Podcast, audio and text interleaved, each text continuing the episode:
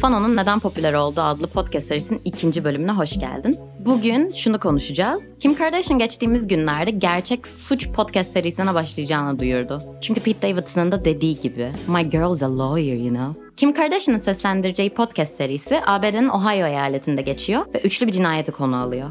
Bu haberi öğrenince ben de bu haftanın konusunun True Crime yani gerçek suç podcastleri olmasına karar verdim. Bu podcast türü medya tarihinin belki de en domine edici alt türlerinden biri ve hatta bunun da ötesine geçerek evrensel bir takıntı haline geldi diyebiliriz. Araştırmalara göre, bu çok önemli bir detay, bütün podcast dinleyicilerin %45'i en azından bir tane gerçek suç podcastini takip ediyor. Bugünün esas sorusu şu, gerçek suç podcastleri neden bu kadar popüler oldu ve nasıl bu kadar başarılı hale geldi?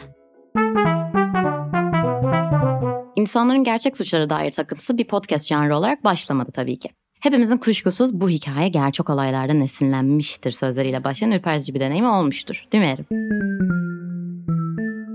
Truman Capote'nin Soğukkanlılıkla isimli kitabı yayımlandığı 1966 senesinde çok ses getirdi ve ilk baskıdan bir kült favori olarak gerçek suç eserlerinin önde gelenlerinden biri olarak adını yazdırdı. David Fincher'ın 2007 tarihli filmi Zodiac, gerçek suç janrısının sinema evreninde de nedenli bir etki yaratabileceğini kanıtladı. İlerleyen dönemde yine Fincher'ın yapımcılığını üstleneceği Mindhunter, Tiger King ve American Crime Stories gibi dijital platformların yükselişinde önemli rol oynayacak olan belgesel serilerinin de yolunu açtı. Suç satar felsefesi ABD temelli televizyonlarda Samanyolu TV efekt ve müzik kalitesini aratmayacak şekilde ilerleyerek gerçek suç televizyon kanallarının doğuşuna da vesile oldu. İzleyicisine suçun bir parçası olmak vaadini vererek sürekli olarak kendini büyüttü. Hepimiz CSI Miami gibi dizilerin jeneriklerini dinleyip gaza gelmişizdir yani. O gözlüğü çıkarıp ekrana bakmak ve suçluyu yakalamak hiç istemedin mi? Gerçek suç farklı medyumlarda hep bir başarı ve kültlük unsuru olmuş olsa da janrın esas tutunduğu yer podcastler olacaktı ve biz de bugün tam olarak bunu konuşmak istiyoruz.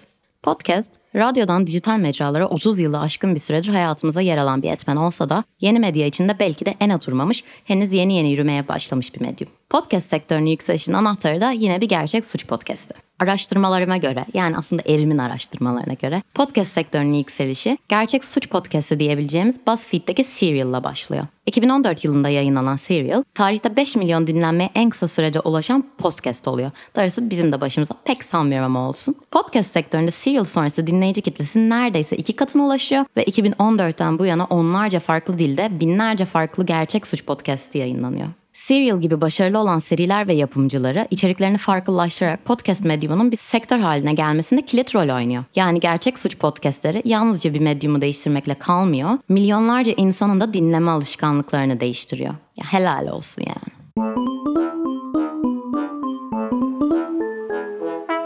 Steven Cremando isimli bir davranışsal psikoloji uzmanı Rolling Stones dergisinde verdiği röportaja göre gerçek suç podcastleri dinleyicilerin duyarlılık, savunmasızlık ve akla yakınlık gibi hislerine etki ediyor. Yönetmenlerin ve yapımcıların hikayeye dair algı ve anlayışımızı çok daha etkin bir biçimde kontrol ettiği sinema ve serilere göre podcastler insanların anlatılan hikayeyi kendi yaratıcılığıyla birleştirmesine ve hatta kendi korkularını hikayenin içine aktarmasına ha bir de bu vesileyle suçun dehşetin içinde hissetmesine olanak sağlıyor. Gerçek suç podcastlerinin bu kadar revaçta olduğu günümüzde bu serilerin toplum üstünde nasıl bir etki bıraktığı büyüyen bir tartışma konusu. Özellikle ABD'de gerçek suç podcastı fanatiği insanların davranışları epey gündemde. Hatta şunu öğrendim. Gerçek suç meraklısı insanlar ABD'de birden fazla suç dosyasının çözülmesinde önemli rol oynamış. Mesela 2022 yılında yayınlanan ve 60 milyon dinlenmeyle ses getiren Avustralya yapımı Teacher's Pet yani öğretmenin evcil hayvanı podcast'i 40 yıl önce işlenen bir cinayetin çözülmesine bayağı yardımcı olmuş. Ancak tabii ki bu kadar büyülü bir gerçeklik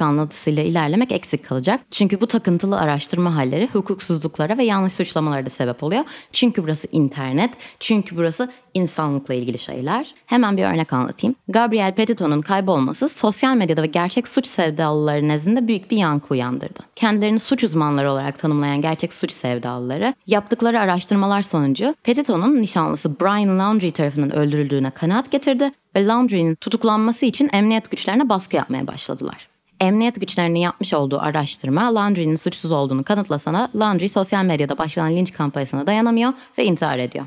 Bütün tartışmalara rağmen ortada bir gerçek var. Gerçek suç podcastleri popüler ve popüler olmaya devam edecek gibi. Ve yarattığı takıntı ortamı çoktan farklı medyumlara sıçlamış durumda. Hulu'nun çok sevilen, başrollerini Steve Martin ve Selena Gomez'in paylaştığı dizisi Only Murders in the Building, aynı apartmanda yaşayan ve gerçek suç podcastlerine takıntılı 3 kişinin apartmanlarında gerçekleşen bir cinayeti çözme çabalarına odaklanıyor. The Office dizisinin Ryan olarak tanıdığımız BJ Novak, başrolünde oynadığı ve ilk yönetmenlik deneyimi olan Vengeance filminde eski bir flörtünün cinayetini bir gerçek suç podcastine dönüştürmek adına yola çıkan bir yazarı ele alıyor. Gerçek suç sevdalılarının takıntıları ekranlara satirlerle yansısa da bu hikayelerin arkasında gerçeklerin yatıyor olması belki de endişe etmemiz gereken bir konu.